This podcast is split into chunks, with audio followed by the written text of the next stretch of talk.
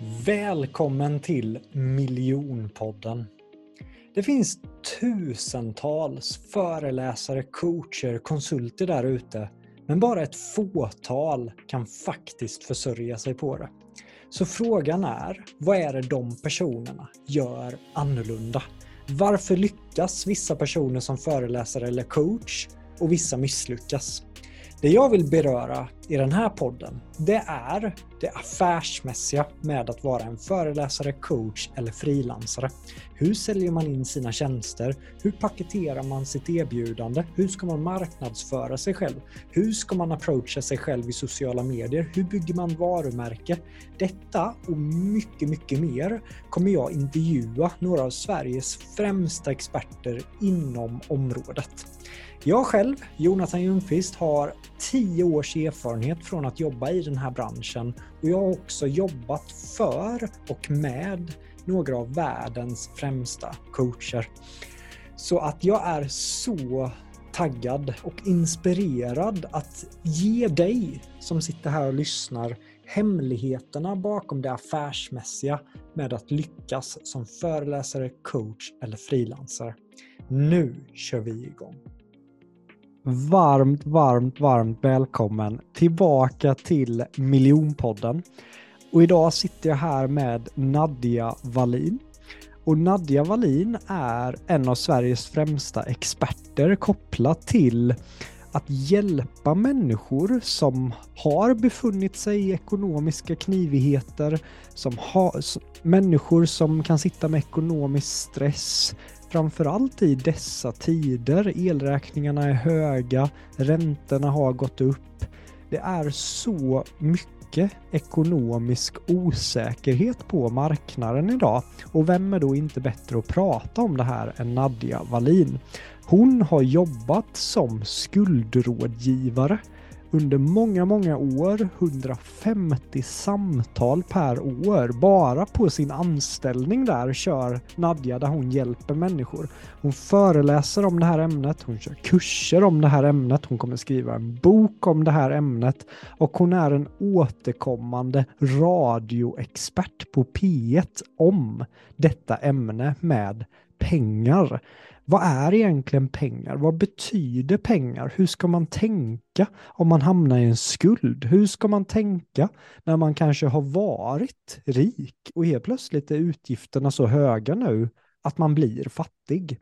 Det kommer det här ämnet att eh, handla om, vilket jag ser som väldigt, väldigt viktigt för att jag har en oro över att många föreläsare och coacher kan kliva in i den här lågkonjunkturen och kasta in handduken. Och om de gör det så betyder det att eh, tillsammans kan vi hjälpa mindre människor. Därav kontaktade jag Nadja igår och frågade Nadja om hon ville göra det här avsnittet med mig. Välkommen Nadja! Hej, tack så jättemycket för att jag får vara här. Hur känns det? Eh, ja, men det känns stort. Det här är en podd som jag tycker väldigt mycket om och du är ju min coach som jag ser väldigt mycket upp till så det känns väldigt fint att få vara här och få en sån otroligt fin introduktion. Mm. Jag kommer aldrig glömma första gången jag såg dig tala Nadia. På mm. Hooks herrgård. Du satt ner på en stol, berättade om ditt liv och jag kände så mycket förtroende för dig som, som person. Mm, ja, jag, jag, tycker om att jag, jag får ofta höra att I'm walking the talk. Man hör att jag talar från erfarenhet. Jag har inte bara läst ett gäng böcker eller gått en kurs, utan jag har det jag delar med mig om i min livsresa genom min ekonomiska stress och att hitta ja, men, harmoni och lugn och tacksamhet i de små marginalerna och våga förbättra situationen som man har. Jag tycker det är fint att det genomsyrar så att folk snappar upp det. Vad, eh, vad är du mest stolt över med dig själv just nu? Mm, att jag vågar värdera det lilla och samtidigt våga satsa på det stora. Alltså det ena behöver inte utesluta det andra. Eh, och, och att jag vågar tänka långsiktigt. För när jag började den här resan eh, när jag insåg att jag hade ekonomisk stress och insåg att jag behövde göra någonting åt det, då var jag i princip själv med två små barn. Och det är väldigt lätt att låsa sig vid att så här ser mitt liv ut och så drar man på sig olika föreställningar om hur hårt det måste vara. Och känner bara att men så vill jag inte att vi ska ha det. Alltså, vi, vi kan, ja, jag måste lära mig att förstå det här. Vad betyder det att lyckan kommer inifrån liksom? Och jag vågade, även fast jag inte visste vad det betydde, så vågade jag göra mitt bästa för att utforska den vägen och det har ju verkligen lönat sig. Så jag är väldigt stolt att jag vågade gå en väg som jag inte visste hur man skulle gå egentligen. Mm. Och jag måste ju säga det till lyssnarna också som tänker att hur låter Jonathan egentligen? Jag har ju då kraftig gräspollen så att jag känner det att jag är lite hes idag, men det här avsnittet är det ju främst du som kommer prata på Nadja och jag ställer frågor. Men jag tänker att jag säger det i alla fall så inte folk behöver undra vad har hänt med Jonathan idag? Mm. Du trodde att jag var precis nyvaken när du träffade mig Nadja och det vill ja, jag inte folk ska tro. Faktiskt. Ja. men, men pollen kan man inte göra så mycket åt. Det kommer. Eller, ja. Nej, mm. precis. Så att, eh, ja men nu har jag sagt det i alla fall. Men, men du sa att under småbarnsåren framför allt, var det, var det där allt började för dig eller var det innan det Nadja? Eller vart, vart började ja. du få upp ögonen för, för pengar? Ja, alltså man kan ju alltid fråga sig vart börjar en historia och i samtal, alltså i mina kurser så kollar vi väldigt mycket på, men vad har vi med oss från barndomen? Alltså hur pratade föräldrarna kring pengar? Så att man kan ju dels säga att en historia börjar där, alltså var börjar våra präglingar? Men min förståelse för min ekonomiska situation och stress, eh, det var verkligen när barnen var små. Och dels insåg jag att jag var ganska slarvig med pengar. Jag kunde inte planera. Jag tyckte framtiden var abstrakt och svår att förstå. Eh, men med barn i bilden så insåg jag att pengarna måste räcka hela månaden. Det finns inget som heter att pengarna är slut. Så jag behövde förändra mina beteenden. Eh, men sen också att förändra beteende, det är en sak. Men sen att förändra beteendet när marginalerna är så små som de faktiskt var, det är en helt annan. För att um, det, alltså har man pengar och det räcker med att men nu säljer jag bilen eller jag slutar shoppa, då har man löst väldigt mycket. Men om man inte redan gör det, om, om det där inte finns, det finns inga tillgångar att göra sig av med, det finns inga shoppingbeteenden att sluta med, då är det inre arbetet det främsta egentligen. Våga lita på att saker och ting kommer lösa sig och våga börja leta lösningar istället för att fastna i att här, den här rädslan av hur ska det gå, hur kommer jag klara månaden, hur kommer jag hitta stövlar i rätt tid. Våga leta lösningar istället för att fastna upp i rädslan. Vad, eh, vad gjorde du konkret när du var i den situationen då du hade, mm.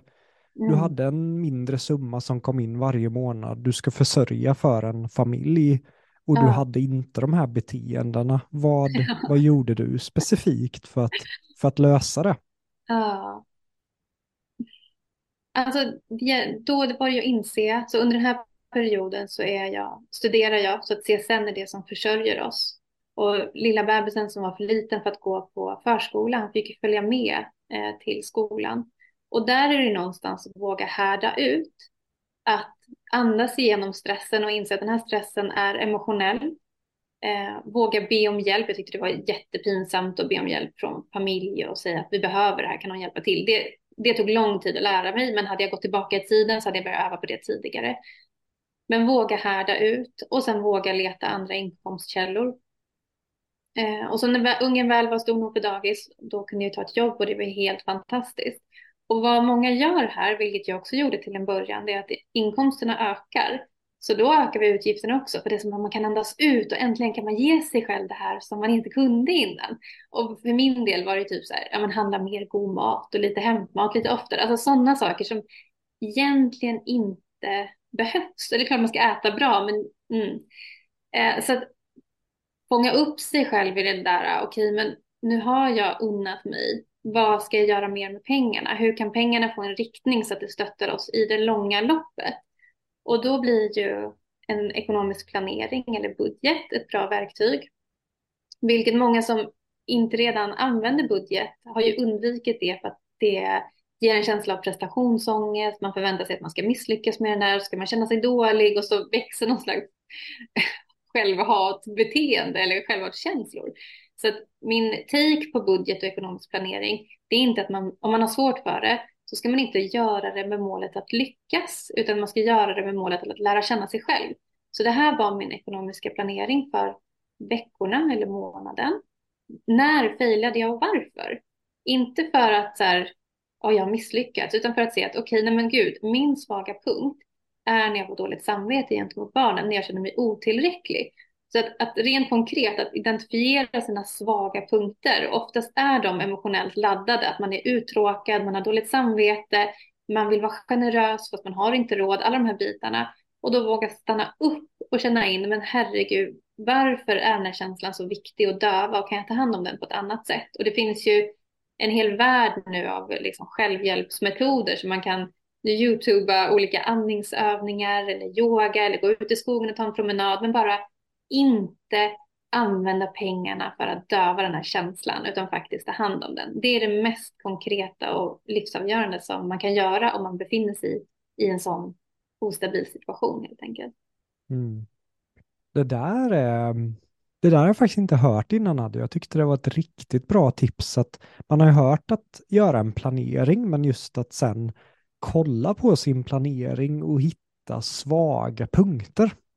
Mm. Där man faktiskt, och hitta mönster i det. Eh, grymt tips alltså. Mm. Och då blir det också lite finare att vi har ingången att det här är en, en hjälp för mig att självläka. Det är inte är en duktig medborgare eller en duktig vuxen som klarar av det här. För vi är inte så rationella, alla, alla är inte så rationella varelser. Många är väldigt impulsiva och emotionella och så, så drivna av andra faktorer. Mm. Så det, ja, det tycker jag är superbra. Mm. Och när man hittar sina svaga punkter där man spenderar mycket pengar, mm. hur, hur tänker du då? Ändrar du dem eller räcker det med att du ser svaga punkter eller vad behöver man göra för att uh, vända på dem, Nadja? Jag tror att det beror på lite grann vart man är i sin egna personliga utvecklingsresa. Så i vissa personer skulle det kunna räcka med någon slags insikt om att nej men gud, jag gör så, det vill jag inte göra igen. Och så har man skärpt sig, så räcker det. Medan andra behöver gå lite djupare in i vad är det som vad är det som gör den här känslan så himla stark? Är det något från barndomen? Mm. Är det här läskigt att titta på själv? Behöver jag, ta in, alltså, behöver jag gå i terapi för de här bitarna? För så kan det ju vara. Det finns väldigt många som jag träffar som spenderar mycket pengar för att de känner sig ensamma. Och det behöver inte handla om att de inte har människor i sin omgivning, men att de inte vet hur, hur man öppnar upp sig och connectar emotionellt och då blir man ensam i sin upplevelse. Um, så att våga våga sitta med den här svaga punkten och se den för vad den är. Är det något som jag behöver ta hjälp med? Eller räcker det med att jag vet om det här? Så det är nog väldigt individuellt. Mm. Snyggt Nadja. Jag försökte tänka i mitt huvud nu, så här, vad är mina svaga punkter där jag verkligen spenderar mycket pengar? Eh, jag kan nog falla mycket för grupptryck om, om någon av mina polare köpte en ny mick eller om Morad köper en ny AC, liksom jag kan falla för, ja men då måste jag också ha det. Eh, mm. Och där det, och det har jag spenderat. Blir du inspirerad? Eller vill du liksom, lite så här tuppfäktning eller liksom vad är det som sker? För inspiration, alltså jag tycker man får jättegärna spendera pengar om man har pengar och man ska mm. göra det med glädje. Men gör man det för att man är i tävling eller för att man blir inspirerad? Det är ju två olika saker. Ja, och det var en bra fråga, för det är också med, ja men när Sibbe och de här Lukas med mickar, då är det för mig grymt, då kan jag hjälpa fler om ljudet blir bättre. Men med Morad tycker jag att det är tuppfäktning. Jag menar, han köpte en, eh, en eh, AC, jag köpte en som var lite bättre. Då lämnar han tillbaka sin AC och köper en som är bättre än mig. Jag bara, come on, ge mig det där. Mm, det, det tänker jag det, är era, ett, det är en del i er vänskapsdynamik. Det där ja. som gör att ni båda utvecklas och siktar mot stjärnorna. För jag tänker mig att det handlar inte bara om spenderandet utan det, det kommer det visar sig nog i andra delar också i karriären och mm. säkert också i familjelivet att man vill vara närvarande pappa. Jag tror ni sporrar varandra på många, många plan där faktiskt. Ja, spännande att höra din analys. Eh, men i den relationen så ser jag ändå att ja, men han ligger några år före och det kommer inte, stressar inte mig utan i huvudsak så är jag bara inspirerad. Mm. Vi tog en promenad igår kväll och han berättar nu, han har hängt med Gary Vaynerchuk i Keynes festival och Jag är Mm. så sjukt glad för hans skull och så Mm. häftigt att man har vänner som, som det går så bra för. Så att Mm. eh, det Jag tror inte du behöver oroa dig för den spenderar. Nej, okej. Jag försökte ändå hitta någonting som jag kan jobba Ja. på och Nej, men däremot det du kan fundera över, eh, det är ju hur du reagerar på, men till exempel när elen var så hög i vintras. Alltså vilka känslor kommer då? Det kanske inte Mm, handlar om att du har en mm, svag punkt i spenderandet, men att du ja. har en, en svag punkt i reaktionen. Alltså det här kastar om trygghetskänslan lite grann. Nu känner inte jag att jag kan lita på min tillvaro lika mycket. Det kan finnas andra saker. Alla har ju inte spenderandet som den primära issuen, utan det kan vara annat eh, som det handlar om. Så. Nej, men det var en jättebra fråga för att eh, när elräkningen kom, jag vet vi har råd med det, men jag hade hellre velat lagt de pengarna på något annat. Mm. Eh, så där blev jag stressad när den återigen dök upp på 17 000. Mm. Det är ändå skattade pengar, eh, mycket pengar. Och jag bara kände, gud vad tråkigt att lägga det på el. Ja, och, och hälften är skatter och moms. Så där tycker jag vi har en, en alltså absolut all rätt i världen att reagera och bli irriterade. Alltså, staten skulle kunna lägga ett tak, vi tar den här procenten, men inte mer än så och så mycket liksom. Eh, Mm. så där tycker jag att man, vi behöver ju inte vara okej med allt som sker, men eh, det är en balans det där, att men okej, hur kan jag ta hand om mig själv i min emotionella reaktion? Jag såg på Instagram att du bastade lite mindre den perioden. Det är väl superklokt. det är väl superklokt. Men, På tal om det du sa i början där med att analysera vart spenderade, det gjorde vi ju förra vintern. Och Mm. då visade det sig, jag hade ju googlat på att bastu kostade mycket pengar, frågetecken, och fick upp, nej det gör det inte. Jag bara, grymt att basta hela december. Eh, och då kunde jag och Amanda se att det var de dagarna på Tibber som jag hade bastat som vi brä- ibland brände 1 och 5 på.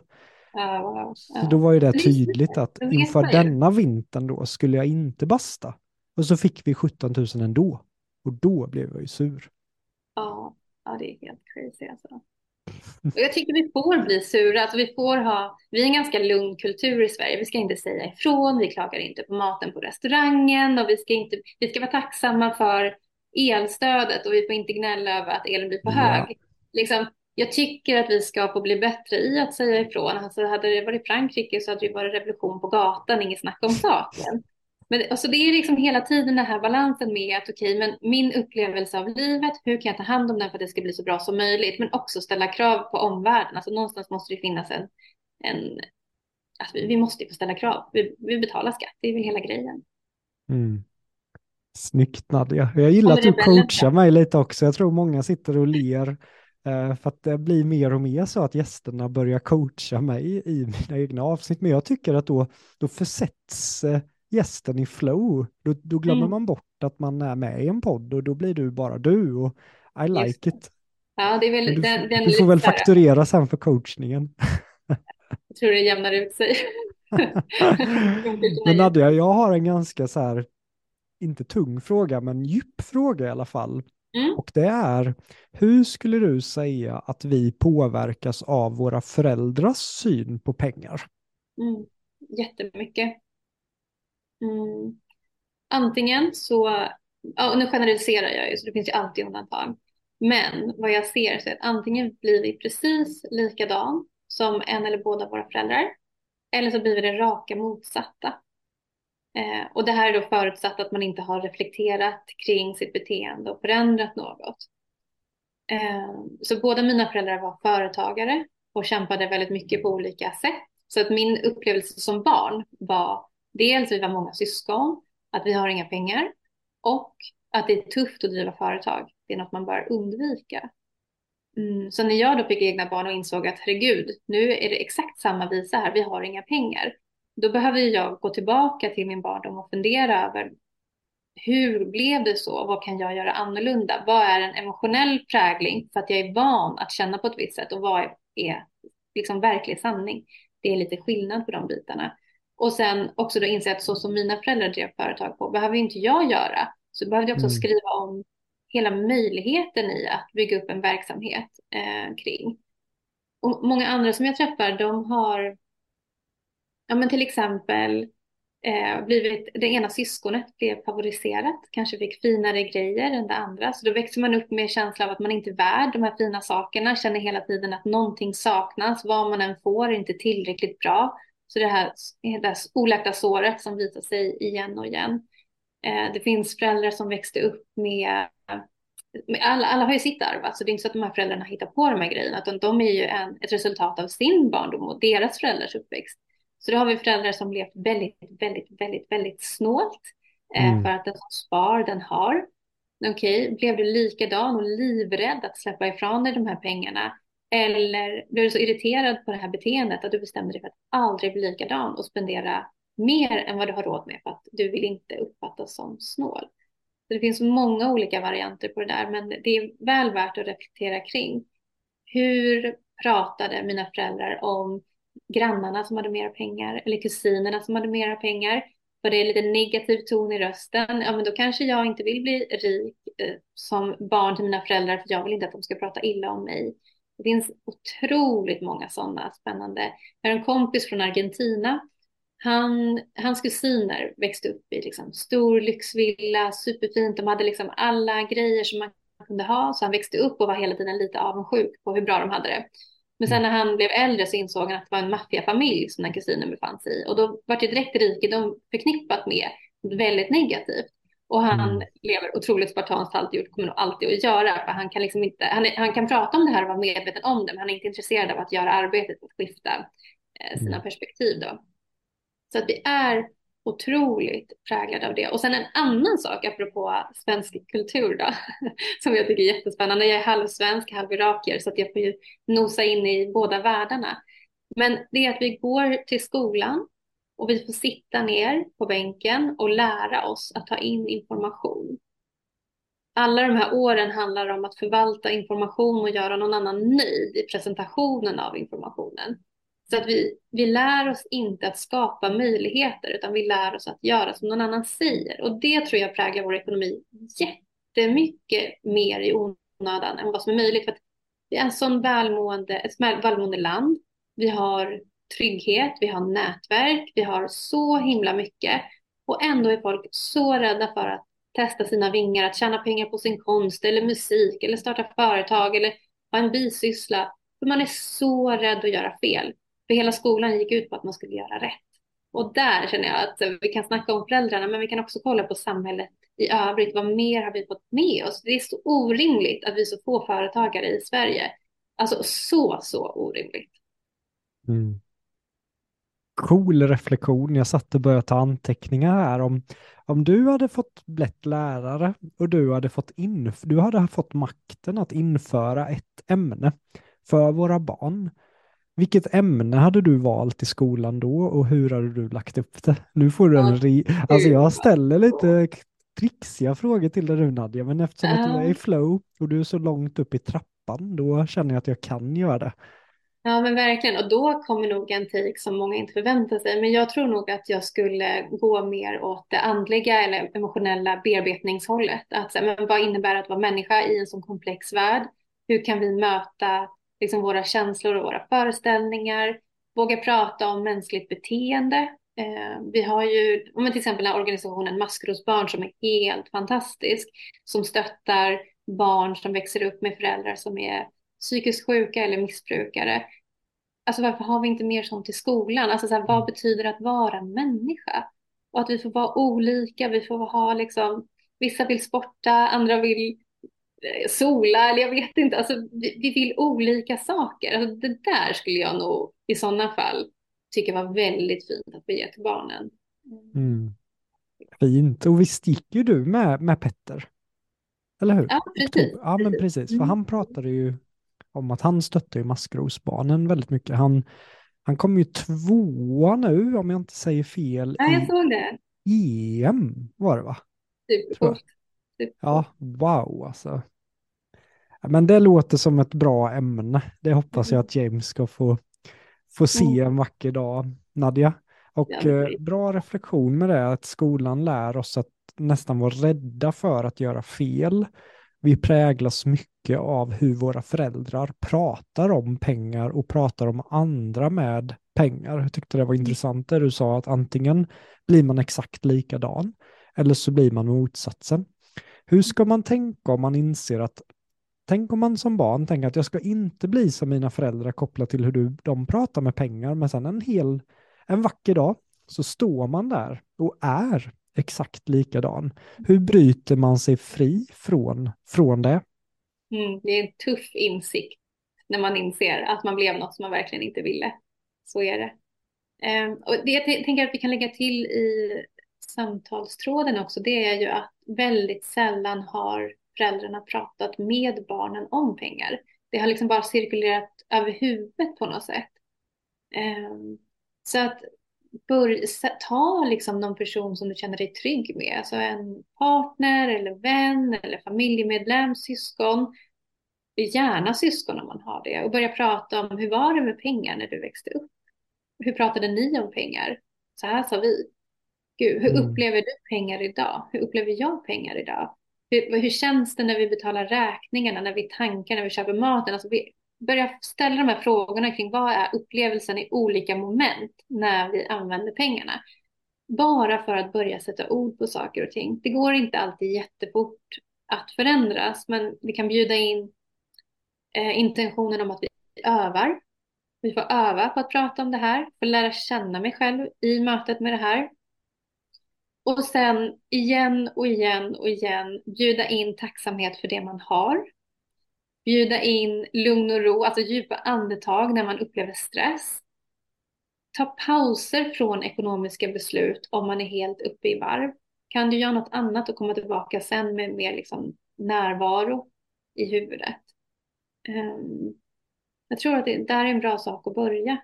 Ehm, bara med att prata om det, för man har nog inte gjort det. Mm. Men jag gillar det att du återkommande kommer in på tacksamhet också. Det, mm. det är ju så viktigt i, i det skyddsnätet som vi ändå har här i, i Sverige. Mm. Och påminna sig om, om det. Att mm. det kunde ju varit så mycket värre. Verkligen. Och det tänker jag är någonting som jag fått med mig från skuldrådgivningen som är obetalbart egentligen. Alla borde vara skuldrådgivare i fem år av sitt liv för att få mm, de här perspektiven. Ja. Men för de, den gruppen jag arbetar med, de är ju inte fattiga på grund av lågkonjunkturen, utan de har varit fattiga länge och haft mycket problem länge och ekonomin är bara en del i det. Och att få höra alla de här otaliga livshistorierna om sjukdom, om bedrägeri inom familjen, om missbruk, om eh, flykter från olika länder och hedersvåld och våld i nära relationer. Alltså det finns så mycket hemskt i folks liv. Och det gör, och det här, det här handlar inte om att jag ska jämföra mig med någon annan så att jag ska känna mig lite bättre. Det är absolut inte på det sättet. Men jag tror att ser man mycket misär, då mm. kan man bara vara tacksam för det man har. För att det blir, vad som än händer i mitt liv, så har jag tak över huvudet, jag har min hälsa, jag har vatten i kranen, jag har nära vänner, eh, jag kan läsa, jag, kan, jag har en utbildning, jag har ett jobb, blir jag av med det kan jag få ett annat jobb. Eh, alltså det finns, jag har mina barn. Och jag tror att om man inte ser värdet i det man har, då måste man göra någonting radikalt för att bjuda in lite perspektiv. Möt andra människor med andra förutsättningar för att det, det ger så, så mycket. Och sen en till sak i det faktiskt superbra grej. Om man fastnar i otacksamhet eller stress av att allting är så hemskt eller hopplöshet för man är rädd att världen ska kollapsa eller vad det nu kan vara. Mm. Det kan vara på olika delar på den här skalan av katastroftänk. Men ett sätt att komma loss från det här, det är att fundera över hur kan jag hjälpa någon annan? Så om jag fastnar i mig själv och att det kaos för mig. Hur kan jag hjälpa någon annan? Vem behöver min hjälp? Det kan vara allt ifrån en granne som är äldre som skulle verkligen uppskatta om du gick och handlade åt den här personen. Eller någon som precis har fått barn som verkligen skulle uppskatta om du lagade mat och lämnade det. Eller någon som tigger på gatan som skulle behöva dina pantflaskor. Alltså, det finns alltid någon att hjälpa och du har alltid något att ge. Och det skiftar så, så, så, så mycket i den egna upplevelsen när man faktiskt får bidra. Fint. Och eh, jag hade en fråga på tungan där, någonting du, just det. det här med eh, det du berättade om när du hade suttit i många samtal. Och då drog jag parallellen i mitt huvud. Jag hade ett samtal med en coach förra veckan och han är rätt nervös nu för att han ska ju säga upp sig från ett fast jobb och bli föreläsare. Och han var väldigt nervös över det här, bara, men ekonomi, kommer det komma in pengar? Och så frågade jag honom, vad, vad är det värsta som kan hända? Hur länge klarar du dig? Mm. Och leva exakt det livet du lever nu. Hur länge klarar du dig? Och jag trodde han skulle säga ett halvår. Han sa tre år. och jag bara, okej. Okay. Så, mm. så du har tre år att spela med. Personen har flera hundratusen följare på sig. Mm. Så han har varumärket, han har liksom ekonomi, han har boende. Mm. Uh, och när vi pratar om det här så tror jag att han kände nog själv att så här, oj, ja, jag har ju väldigt bra odds om jag jämför med väldigt många andra som påbörjar sin föreläsarresa. Mm. Just att ställa sig själv frågan som föreläsare och coach, att, ja, men vad är det värsta som kan hända om jag tar steget eller om jag går en kurs nu helt plötsligt mitt i allt. Ja, men det värsta som kan hända är att jag inte kan äta ute tre dagar. Eller att man verkligen grottar mm. i det, accepterar det. Mm. Det skriver ju Dale Carnegie mycket om, så det var där jag plockade upp den. Och jag drog den kopplingen när du pratar om, om dina delar här. Vad, vad känner du med det, Nadja? Mm, svinbra fråga. Vad är det värsta som kan hända? Och det finns också en väldigt fin process ja, i, i meditation kan man göra det eller när man promenerar och föreställa sig att man förlorar allt. Och då, och då mm. pratar jag materiella tillgångar eh, framför allt. Då. Vad, vad, händer om du förlorar jobbet, du förlorar sparpengarna, du förlorar ditt boende? Ja, du kommer ha en emotionell kris ett tag, men sen då? alltså, förr eller senare så kommer du behöva resa dig upp igen och göra förändring och gå vidare med livet. Eh, mm. och vem vill du vara? Den som sörjer allt i all evighet eller den som kör igen. Mm. Um, och sen tänker jag också att när man tar ett sådant steg som är läskigt, att man ser till att man har den, det stödet man behöver, att man har kunskapen, att man har strategin och att man känner att man har den elden att våga köra. Så att man inte blir så bekväm för att man har de här tre åren på sig och tänker att äh, jag gör det sen. Ja, men mm. lägg ribban på att du ska vara självförsörjande inom sex månader. Alltså sätt den ribban och våga satsa helhjärtat på det klarar lite på sex månader så ändå kommer ganska långt jämfört med om man väntar på att de här tre åren ska gå. Mm. Det kanske inte var så den inställningen jag hade, men det är ju lätt att bli bekväm om man kan vara bekväm. Ja. Och där eh, kände jag mig också träffad nu när vi pratar om det här, för att om det är en rädsla jag faktiskt har haft kopplat till ekonomi och så på senaste, det är ju att om jag har kämpat så hårt för att komma dit jag är idag, nu lever jag här i ett form av drömhus skulle jag ändå säga med familjen. Amanda behöver inte jobba. Vi kan vara lediga när vi vill egentligen. Pengarna rullar in och jag börjar få en rädsla av att förlora det jag har. Mm. Och den har kommit ganska nyligen bara, ja ah, men tänk om jag förlorar det jag har byggt upp nu, tänk om mitt företag går i konkurs. Och det känns så onödigt att oroa sig över en sån grej som som verkligen inte ser ut att hända. Men oron har börjat gnaga att, åh nej, ska jag bli golvläggare då igen? Jag hatar ju att vara golvläggare.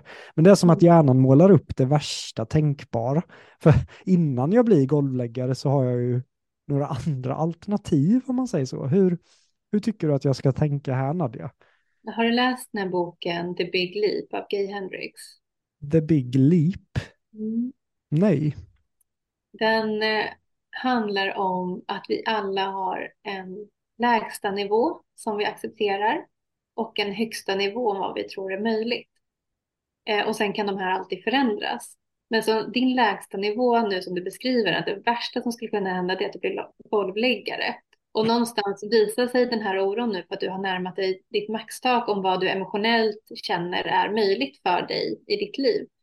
Och då man möter de här rädslorna och bestämmer sig för att ja, men nej, men min lägsta nivå, det är det jag har idag till exempel. Eller mm. lite mindre omsättning än vad jag har idag. Vad blir då mitt, alltså om jag, då måste ju den här höjden höjas, vad blir det då? Så att i, som en bra liksom, parallell till det, i skuldrådgivningen, då möter jag ju eh, andra lägsta nivåer. Och det kan ju vara allt ifrån, alltså jag tycker att anekdoterna runt missbrukarna är de roligaste här, för att det är så otroligt talande.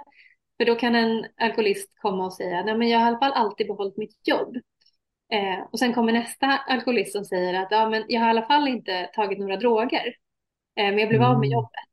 Och så kommer nästa och säger att ja, nej, men jag sitter på gatan men jag har i alla fall inte tagit några nålar. Så det hela tiden har vi en sån här lägsta nivå om vad, vad som i alla fall, vi är i alla fall inte där. Eh, vissa betalar hyran alltid i tid, skulle aldrig låta hyran gå till inkasso medan väldigt många människor, fler än man kan tänka sig, låter hyran gå till inkasso, får snacka med värden, ja, man bor kvar, man klarade sig igen, pew, pew, pew. Så att det finns hela tiden en lägsta nivå och en högsta nivå. Så vad är, jag hade en så, ett sånt glastak runt bil eh, här som sprängdes häromveckan. Jag är uppväxt med att man köper eh, en bil som håller två år kanske, sen går den sönder, försöker laga den, den funkar inte, då köper vi en ny. Och så, det är så jag har växt upp och det är så jag har haft bilar själv och inte reflekterat så mycket kring det. Jag, jag har inte tänkt att jag är en person som har en ny bil. Alltså var ska de pengarna komma ifrån? Lite så. Och så har min företagsmentor då pratat med mig om att jag borde ha en företagsbil. Och, det har varit, och så skickade hon en länk till mig på eh, vilken bil som hon tyckte passade mina behov. Och jag skrattade ju rakt ut när jag såg den där, för den var så himla fin och lyxig och ny. Inte tusan ska jag ha en sån, tänkte jag. Och så fick jag ändå sitta med den föreställningen och reaktionen och fundera över var, varför blir jag så stressad? För jag kände att det här, det här kommer inte jag ha med. Hur ska företaget bära det här? Men det kan den ju visst. det är inga konstigheter, men min reaktion var verkligen superstark. Eh, och nu tänker jag den här veckan att jag ska hämta hem den bilen. Så det ska ju bli superkul. Men reaktionen var ju verkligen inte ett helgets från första början. Så att vi har hela tiden måste vi vara uppmärksamma på när säger vi nej och varför? Vad är vi rädda för och varför? Kan vi höja blicken? Så Tack det här, igen Nadia. Ja, det här Jonathan, det är din nya lägstanivå. Sämre än här, det blir det inte. Wow. Mäktigt att tänka så. Mm. Ja, nej, men jag Men sitter kanske här och du är, nu känner inte jag till din familj, men du, du kanske är den som har skapat liksom det bäst för dig materiellt i flera generationer. Så då skapar ju du en ny världsbild för familjebilden, om det nu är så. Mm. Ja, men jag, eh, alltså jag växte ju upp med ett väldigt trångsynt syn på, på pengar. Just att, eh, nej men vi själva hade inte så mycket pengar i familjen så vi pratar inte om pengar. Så när Amanda sa till mig, ja Jonathan, jag tycker vi ska ha gemensam ekonomi. Mm. Eh, och alla mina polare var så här, va? Grymt Jonathan, Amanda skulle bli läkare, det här är ju, vilken jävla bonuslott. Och jag blev ju vettskrämd för jag kände, jag har nog alltid känt att jag kommer bli väldigt, väldigt rik. Jag vill inte ha gemensam ekonomi då. Så jag sa Mm. det till Amanda att jag vägrar. Eh, det är separat, för jag kommer bli, jag kommer tjäna miljoner och ja, jag vill inte ha gemensam ekonomi. Mm. Men hon låg på, hon låg på och utmanade mina sanningar. Jag hade ångest på kvällarna. Och till slut så, så var det väl någon situation där vi var med ett par som, in, som hade separat. Och då var det så här, någon hade handlat och de skulle dela och de skulle swisha tillbaka. Jag, jag kände så här, usch, nej, så där vill jag inte ha det. Vi körde Mm. gemensam ekonomi och det var som att mamma kunde andas ut för då behöver man inte bry sig vem har handlat här och var.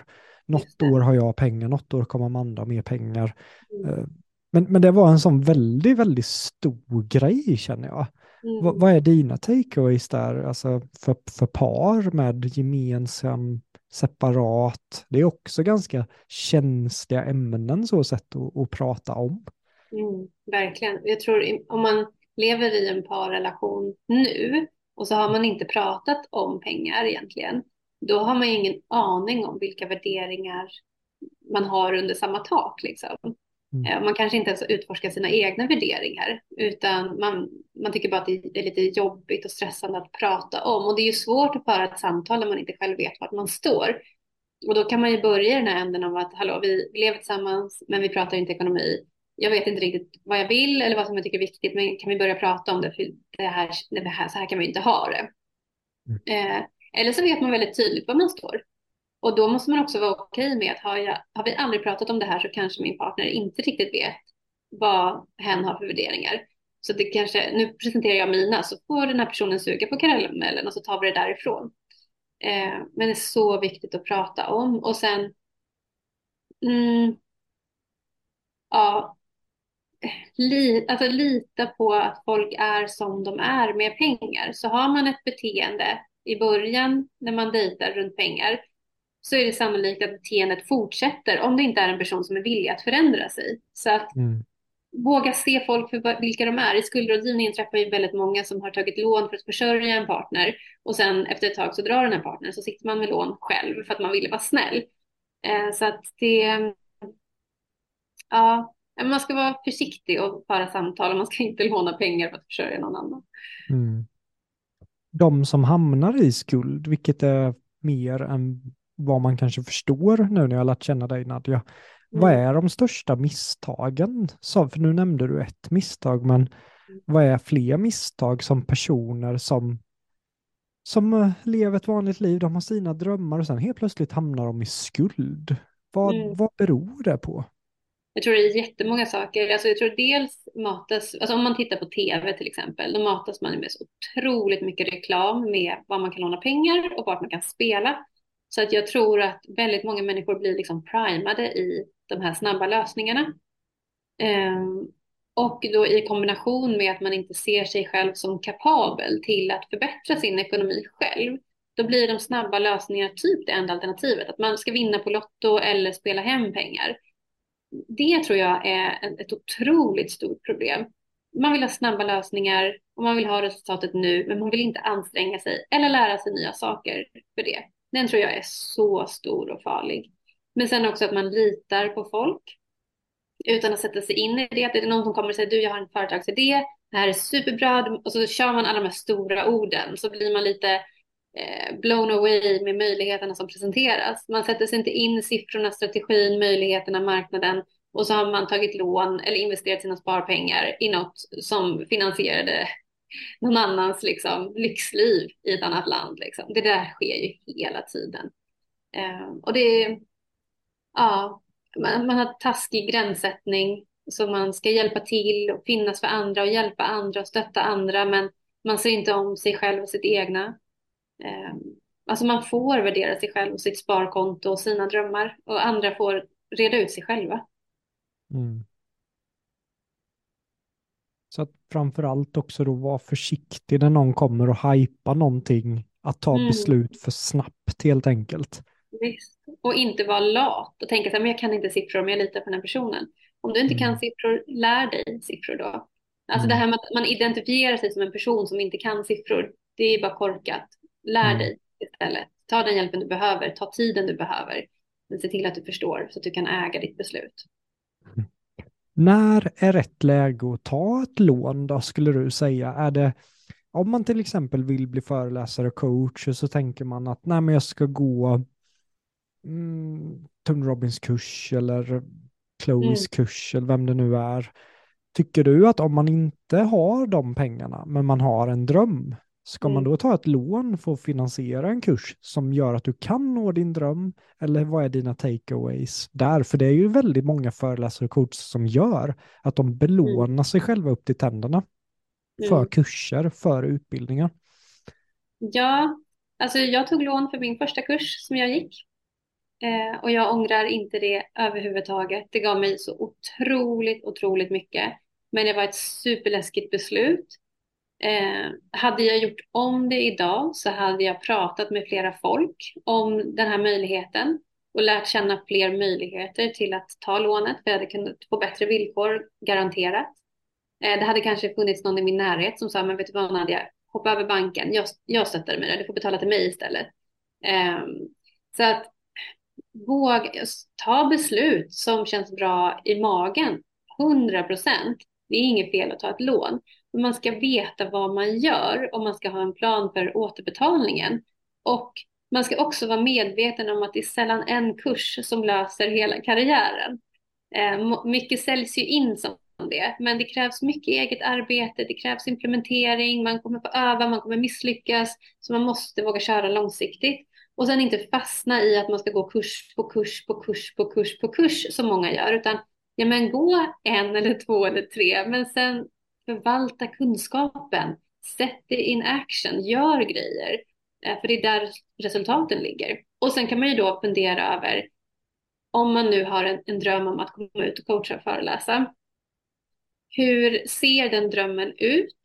Och vad är den mest strategiska saken att lära sig för att komma dit? Jag pratade med en kompis till mig häromdagen, Susanna Davidsson, som håller på med mm. utbildningar i personlig utveckling och hästar.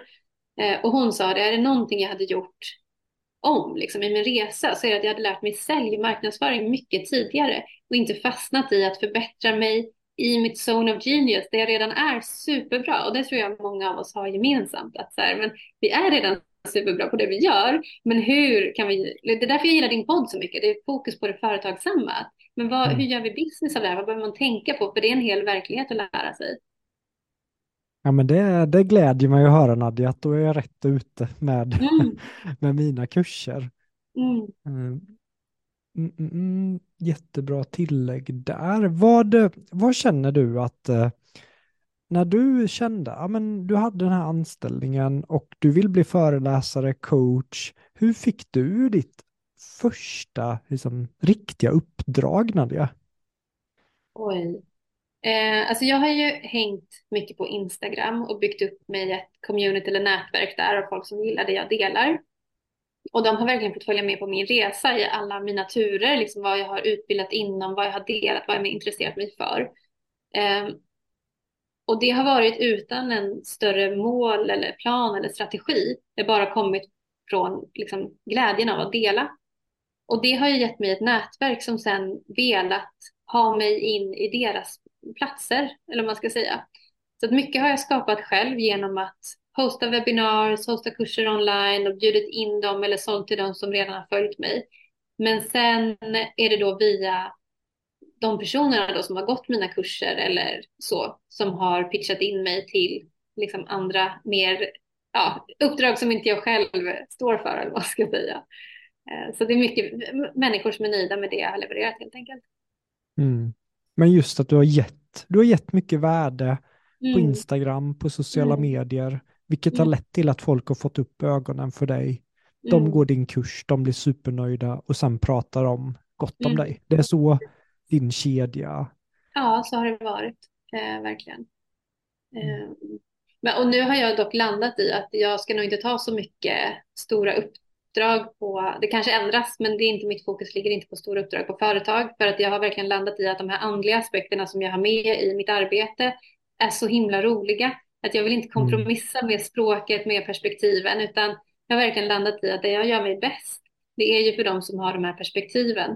Eh, mm. och det känns så himla kul. Det pratar ju du också om målgrupp, att man ska nischa sig i alla de här bitarna och jag har inte genuint kunnat landa i det. Men i och med att jag föreläste för ett gäng kvinnor inom finans och insåg att det här, jag ger inte så mycket värde för dem och jag har inte superkul. Den kontrasten mm. var så himla tydlig att men jag ska ju vara där liksom med de här mm. typerna av kvinnorna. Det är här jag ska leverera värde och stötta dem i sin resa. Så att, ja, att våga köra och eh, ge sig själv erfarenheten, det gör ju att man vet vad man vill med tiden i alla fall. Om det inte är tydligt från början. Gud vad fint att du kan välja målgrupp med hjärtat då ju mm. som en del av målgruppen. Att eh, mm. vart får jag mest energi? Jo, men med de här mm. människorna. Då satsar jag mer åt det hållet. För man behöver ju energi för att lyckas i den här branschen. Visst, och det är där någonstans resultaten blir så himla bra för att vi förstår varandra. Alltså det blir så att mm. de känner yes, äntligen någon som hon och jag känner yes, här är ni liksom. Och det är den grejen man vill ha. Man vill jag vill inte stå på finans och de bara, vilken flummig tjej. Det är inte där jag vill vara. Men eh, av ren nyfikenhet här Nadja, vad, vad tog du med dig mest från eh, miljonkursen och communityt och, och hoxen? För du har ju betat av det mesta som jag, som jag mm. kör. Vad, vad har du tagit med dig mest från, från ja, våran resa? Jag måste ju säga att hoxen ligger mig väldigt varmt om hjärtat. Jag älskar dem verkligen. Det var som att någonting klickade i både sälj och leverans som man kan ge värde på ett bra sätt. Det, det, var verkligen som att jag fick ett gäng pusselbitar och så nu kan jag tuta och köra. Så det var super, super bra. Eh, och sen miljonkursen, alltså den handlar så mycket om hur, hur du tog dig an alla oss studenter. Alltså så öppet hjärta, nyfikenhet. Jag tycker du är en så bra förebild i hur man är en ledare. Eh, en hel del saker i miljonkursen hade jag hört och gjort tidigare men jag, jag, vet ju att när man hör det första gången så blir man blown away. Det är fantastiska grejer, det är supervärdefullt. Men sen också hur viktigt det är med, med likasinnade runt omkring sig. Alltså nätverket, det var också otroligt värdefullt. Och apropå så här glastak, liksom, vad man har för perspektiv runt världen, så insåg jag att jag inte hade så fin bild om omvärlden som jag trodde att jag hade. För min reaktion i liksom ert community eller liksom alla de här människorna, det var så här, men gud vad alla är snälla och jag får vara med. Och det visste jag inte att jag var på. Så det var ju superspännande att okej, okay, men det finns mycket mer fina människor än vad jag förväntat mig. Så det, det ska jag komma ihåg och, och bjuda in ännu mer av alla de här underbara människorna. Så det har fått hur mycket som helst fint verkligen. Vi saknar dig på sommarfesten Nadja.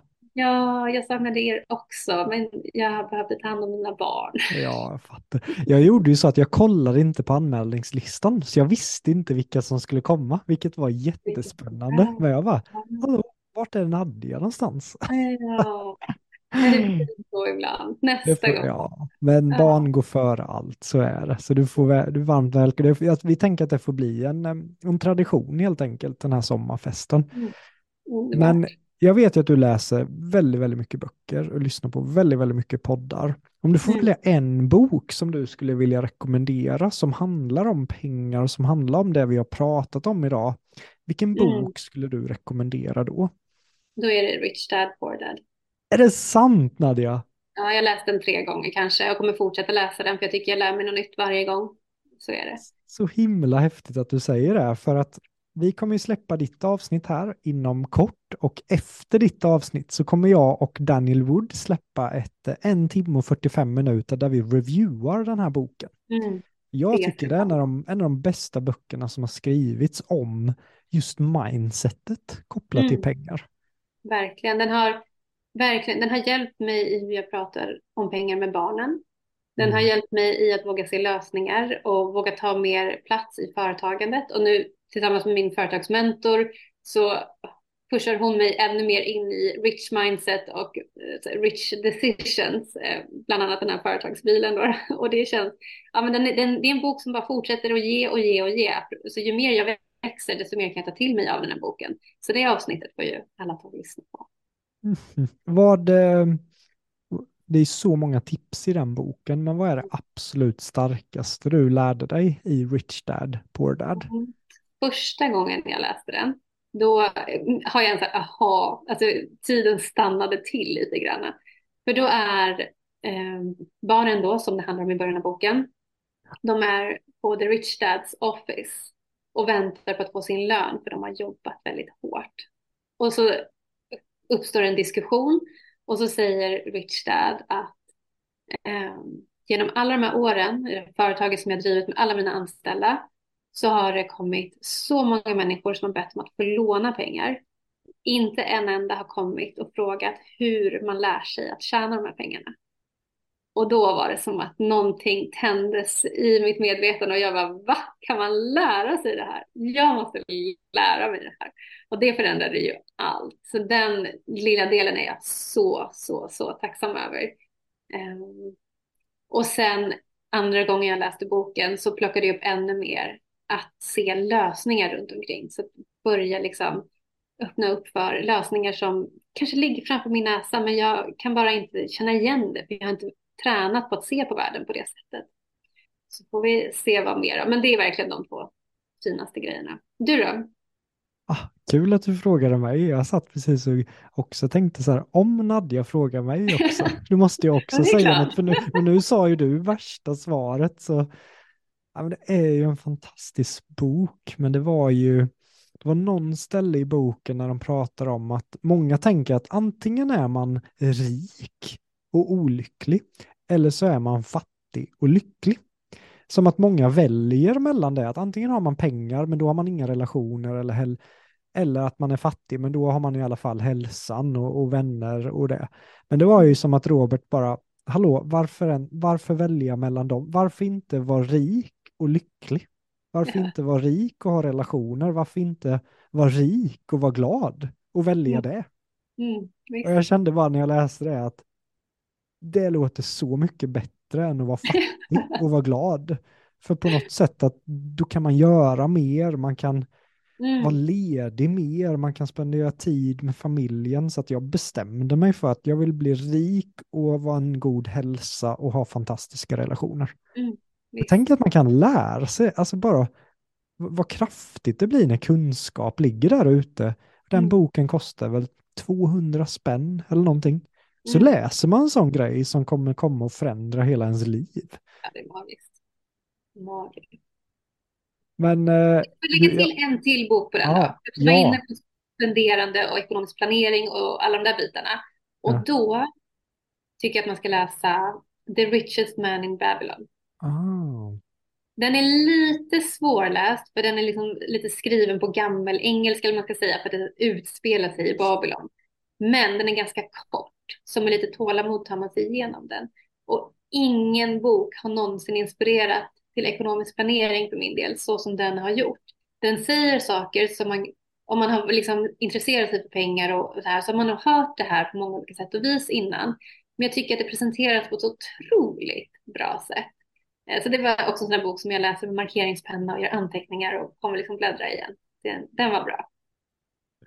kul att du sa också att den är lite svårare, för jag började läsa första kapitlet och sen bara, aha, jag kommer inte in i boken riktigt, men då får jag ge Den, den. är värd det, men den är Ja. trög i början. Alltså. Så Ja, men det. då, då ska jag ge den ett till försök här i, i sommar. Men, Mm.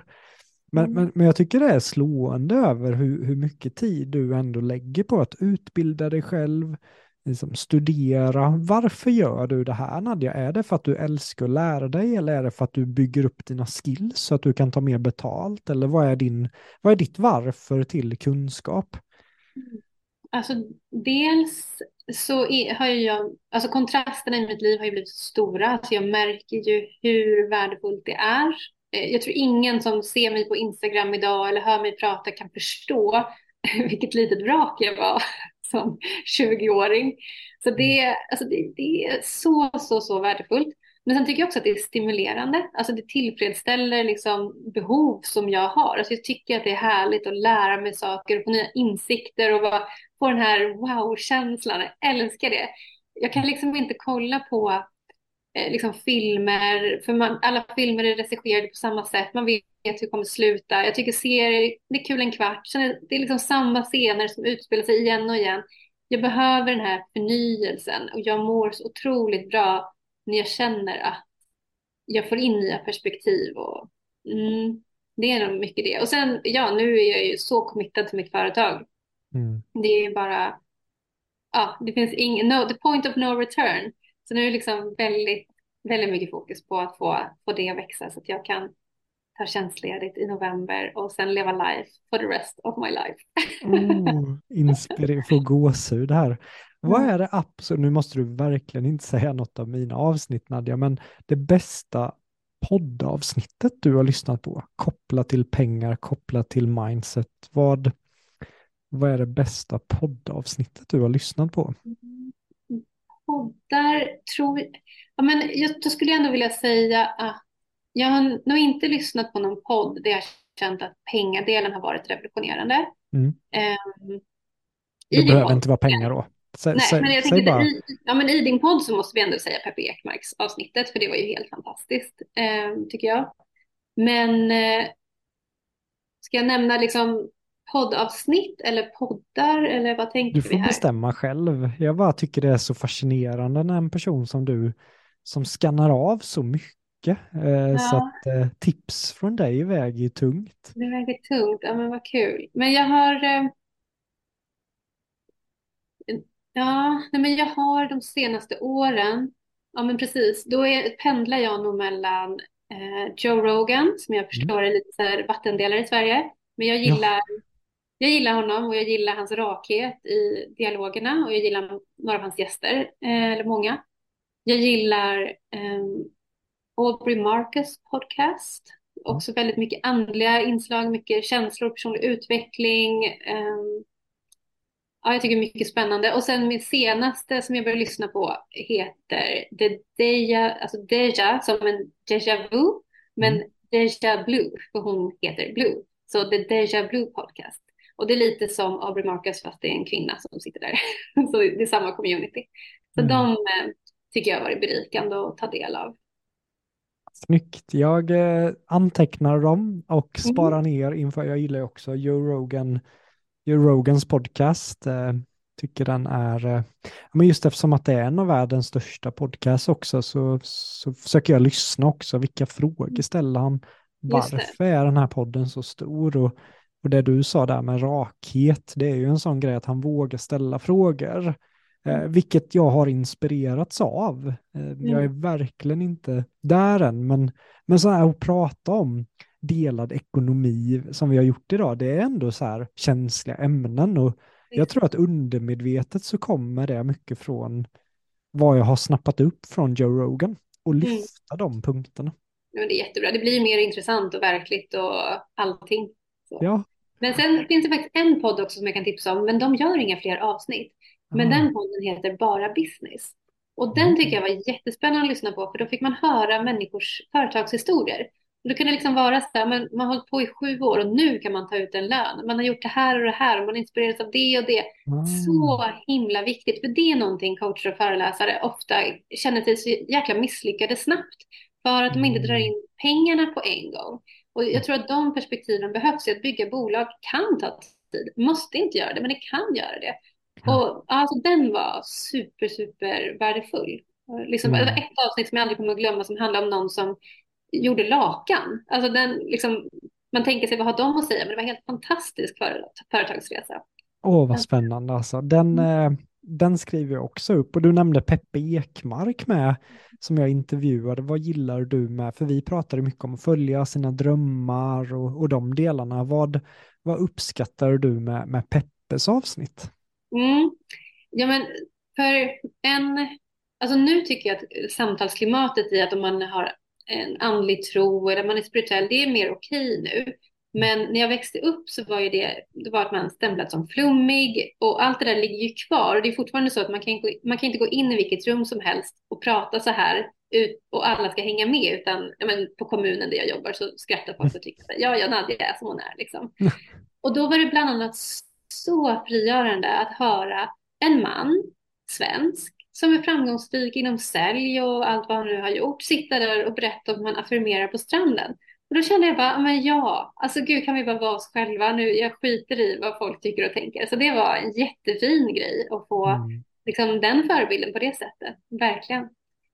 Kul. Det är många som lyfter Peppes avsnitt. Eh, följ dina drömmar som föreläsare och coach via Miljonpodden så kan du också lyssna på, på Peppes avsnitt. Mm. Nadja, jag vet ju att du har en stor membership-program på G och alla de här delarna. Vill du, vill du pitcha in det här i, i podden? Ja, Tack vare miljonkursen så vill jag pitcha så fort jag får chansen. ja, men shoot. Ja, Nej, men jag har ju nämnt min företagsmentor här i samtalet några gånger. Verkligen, hon, ja. Ja, och hon och jag, vi eh, träffades genom ett projekt genom våren, eller vi har känt till varandra sedan innan, där vi eh, hjälpte att rädda marken för en plats som tog hand om 164 olika djur som hade liksom fått komma dit för att annars skulle de avlivas. Wow. Marken, var, ja, men marken var arrenderad och vi eh, Eh, den var till salu, så nu ska vi samla ihop pengar för att kunna köpa den här. Och en stor del av marken tillhörde en gård med värdet 9 miljoner. Och det är en ideell förening, ingen har något business-tänk överhuvudtaget. Vart får man 9 miljoner ifrån?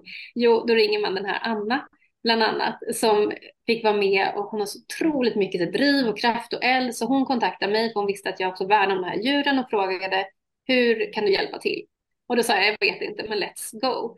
Så att under den här våren så har vi krokat arm i det här projektet och tillsammans med jättemånga människor som engagerar sig över hela världen. Och vi lyckades rädda marken, vilket var helt magiskt, verkligen. Alltså ni fick in nio miljoner? Ja, helt sanslöst. En del den här var våren? Ja, en, en del var lån också och så några stora donationer. Men det var helt makalöst vilken, wow. så, vilken respons vi fick. Så när vi var klara med det då ville vi ju inte, eller jag ville inte släppa taget om henne egentligen, så var det.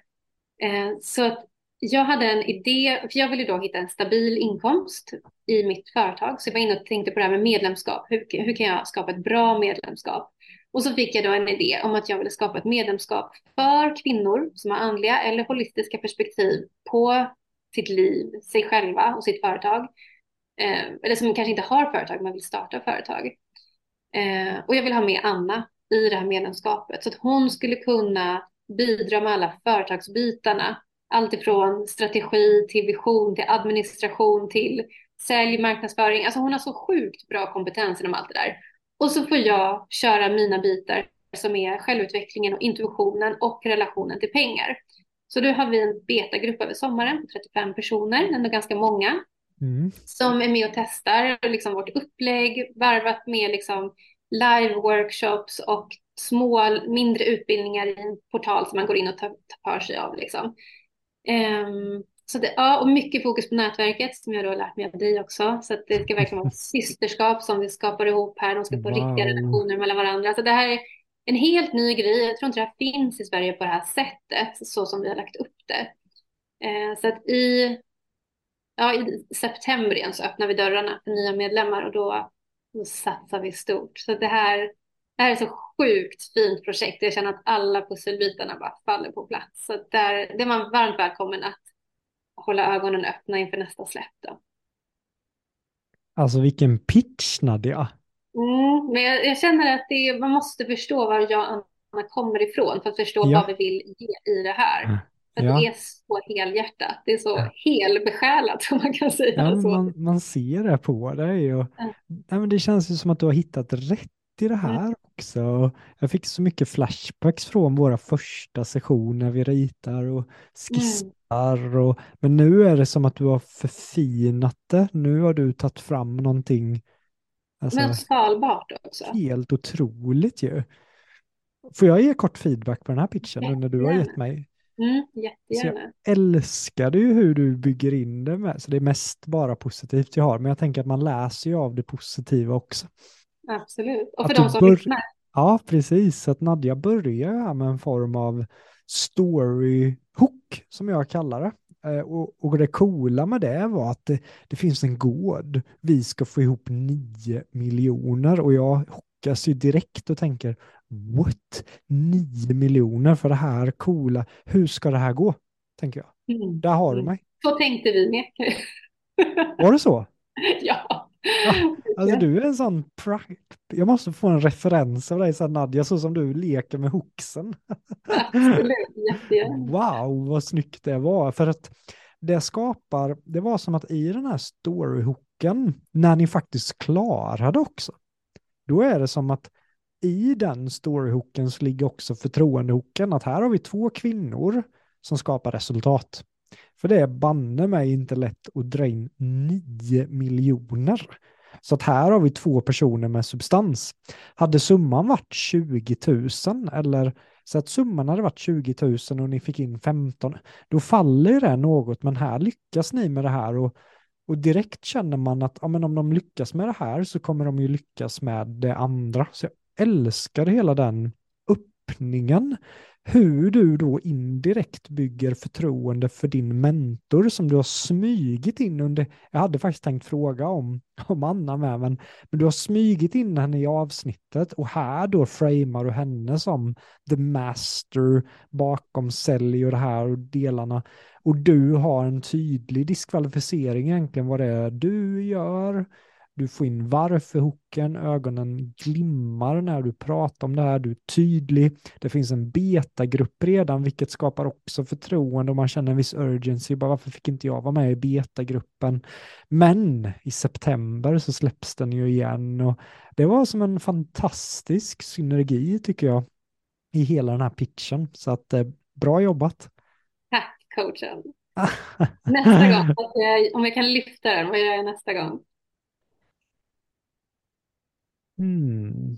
Ja, men prata lite om resultat från betagruppen. Hur länge har den hållit till? De öppnade 15 juni, så vi har egentligen precis kommit igång. Ja, precis kommit igång. Men ni har haft några träffar eller så? Mm, ja, vi hade en uppstartsträff, också inspirerad av dig, där så vill vi köra den live, fram, mm, eller så här, Snyggt. på plats framöver. Och vad, vad sa folk efter den dagen? Eh, ja, alltså folk har varit jättenöjda. Det var jätte, mm. jättekul. Vi har en grej på Instagramkontot där folk får lägga upp en liten en snutt om sig själva. Där de får presentera sig och säga vad de ser fram emot med medlemskapet. Och vad många upplever, både genom de delningarna och genom uppstartsdagen, är att den här känslan av gemenskap redan finns. Alltså många känner sig ensamma mm. i sitt företagande, många känner sig ensamma i det andliga, och här finns gemenskapen. Så de har ju direkt veckan efter bokat in egna digitala fikor för att lära känna varandra, vilket är, mm. är ju fantastiskt kvitto på att de är på rätt plats helt enkelt. Det tycker jag du kan få in i pitchen. Mm. Att redan med den här betagruppen prata om vilka mm. re resultat som redan håller på att ske med gemenskap, med breakthroughs. Då blir det ännu mer på riktigt tycker jag. Mm. Och sen eh, skadar det heller inte att inför september, att jag kan tänka mig att ni har ett högt intresse nu, så här, ännu mer att eh, ja, men det kommer vara begränsat, eh, de här 35, mm. vi kommer ha så här många platser. Mm. Och sen något tydligt då att skriv till mig på Instagram eller jag har en sida här, just CTA-aspekten som vi har pratat mycket om, den tyckte jag saknades något i slutet. Vad ska jag mm. göra då? Jag är jätteinspirerad, men ska jag skriva på LinkedIn? Ska jag mejla? Ska jag göra det här? Så att du kan vara jättetydlig efter pitchen vart mm. du leder oss. Mm. Ja, då vill jag leda er till medlemskapets Instagram-sida som heter awake.rich. Alltså awake.rick. Och där finns det länk till hemsida och vi är tillgängliga i chatten i DM. Så mm, det finns mycket kul på gång. Snyggt Nadja. Jag ber Erik lägga länken också under vårt avsnitt. Men det får jag säga också till de som lyssnar att en stor grej med miljonkursen det är ju verkligen det här att nu pitchar vi tillsammans, nu lyfter vi varandras pitchar. Alltså det, det fick bli en sån lek. Innan var det så här, oj, ska jag komma och ta den här platsen och säga, jag kan, känner fortfarande att jag förminskar mig lite grann, men det har blivit sån lek genom kursen verkligen. Så det är en stor grej som jag har med mig. Ja, men det glädjer mig och det såg ut som att du hade roligt här. Liksom. Mm. När jag frågar, kan du pitcha? Och du bara ja, du äger den bara på en sekund och sen kör du. Och du hade ju förberett, det fanns en story. Du har ju repat den här pitchen antar jag. Och det är det mm. som är så häftigt med att det är ett hantverk som du nu tränar på, vilket gör att varje gång du gör det blir det lättare och lättare och lättare. Istället mm. för att skjuta fram pitchen och tänka, jag gör det när det är skarpt läge. Nej, nej, så tänker ingen idrottare. Så, så man tränar, tränar, tränar, gör det kul och sen när läget kommer, då mm. höjer man oddsen rejält till att det lyckas. Mm. Och innan jag kom till dig, det oftast som jag fick höra det var att man skulle ha sån här hisspitch klar. Och det stressade ju sönder mig, att man skulle ha någonting på 30 sekunder att säga. Mm. Och här är det så här, nej men nu, hitta en story, leverera värde, berätta om resultat. Alltså, du låter oss bre ordentligt med smör på mackan och det tycker jag också är bra. För då får man ta den platsen som man känner att man behöver. Och det är ju mm. mycket mer värdefullt än en snabb liten hisspitch. Ja, men för mig är det ju situationsanpassat. Ibland kommer ni skriva, göra en Insta-story 30 sekunder om den här membershipen. Ibland kommer ni posta på LinkedIn. Ibland sitter du i en podd där du kan prata hur mycket du vill egentligen.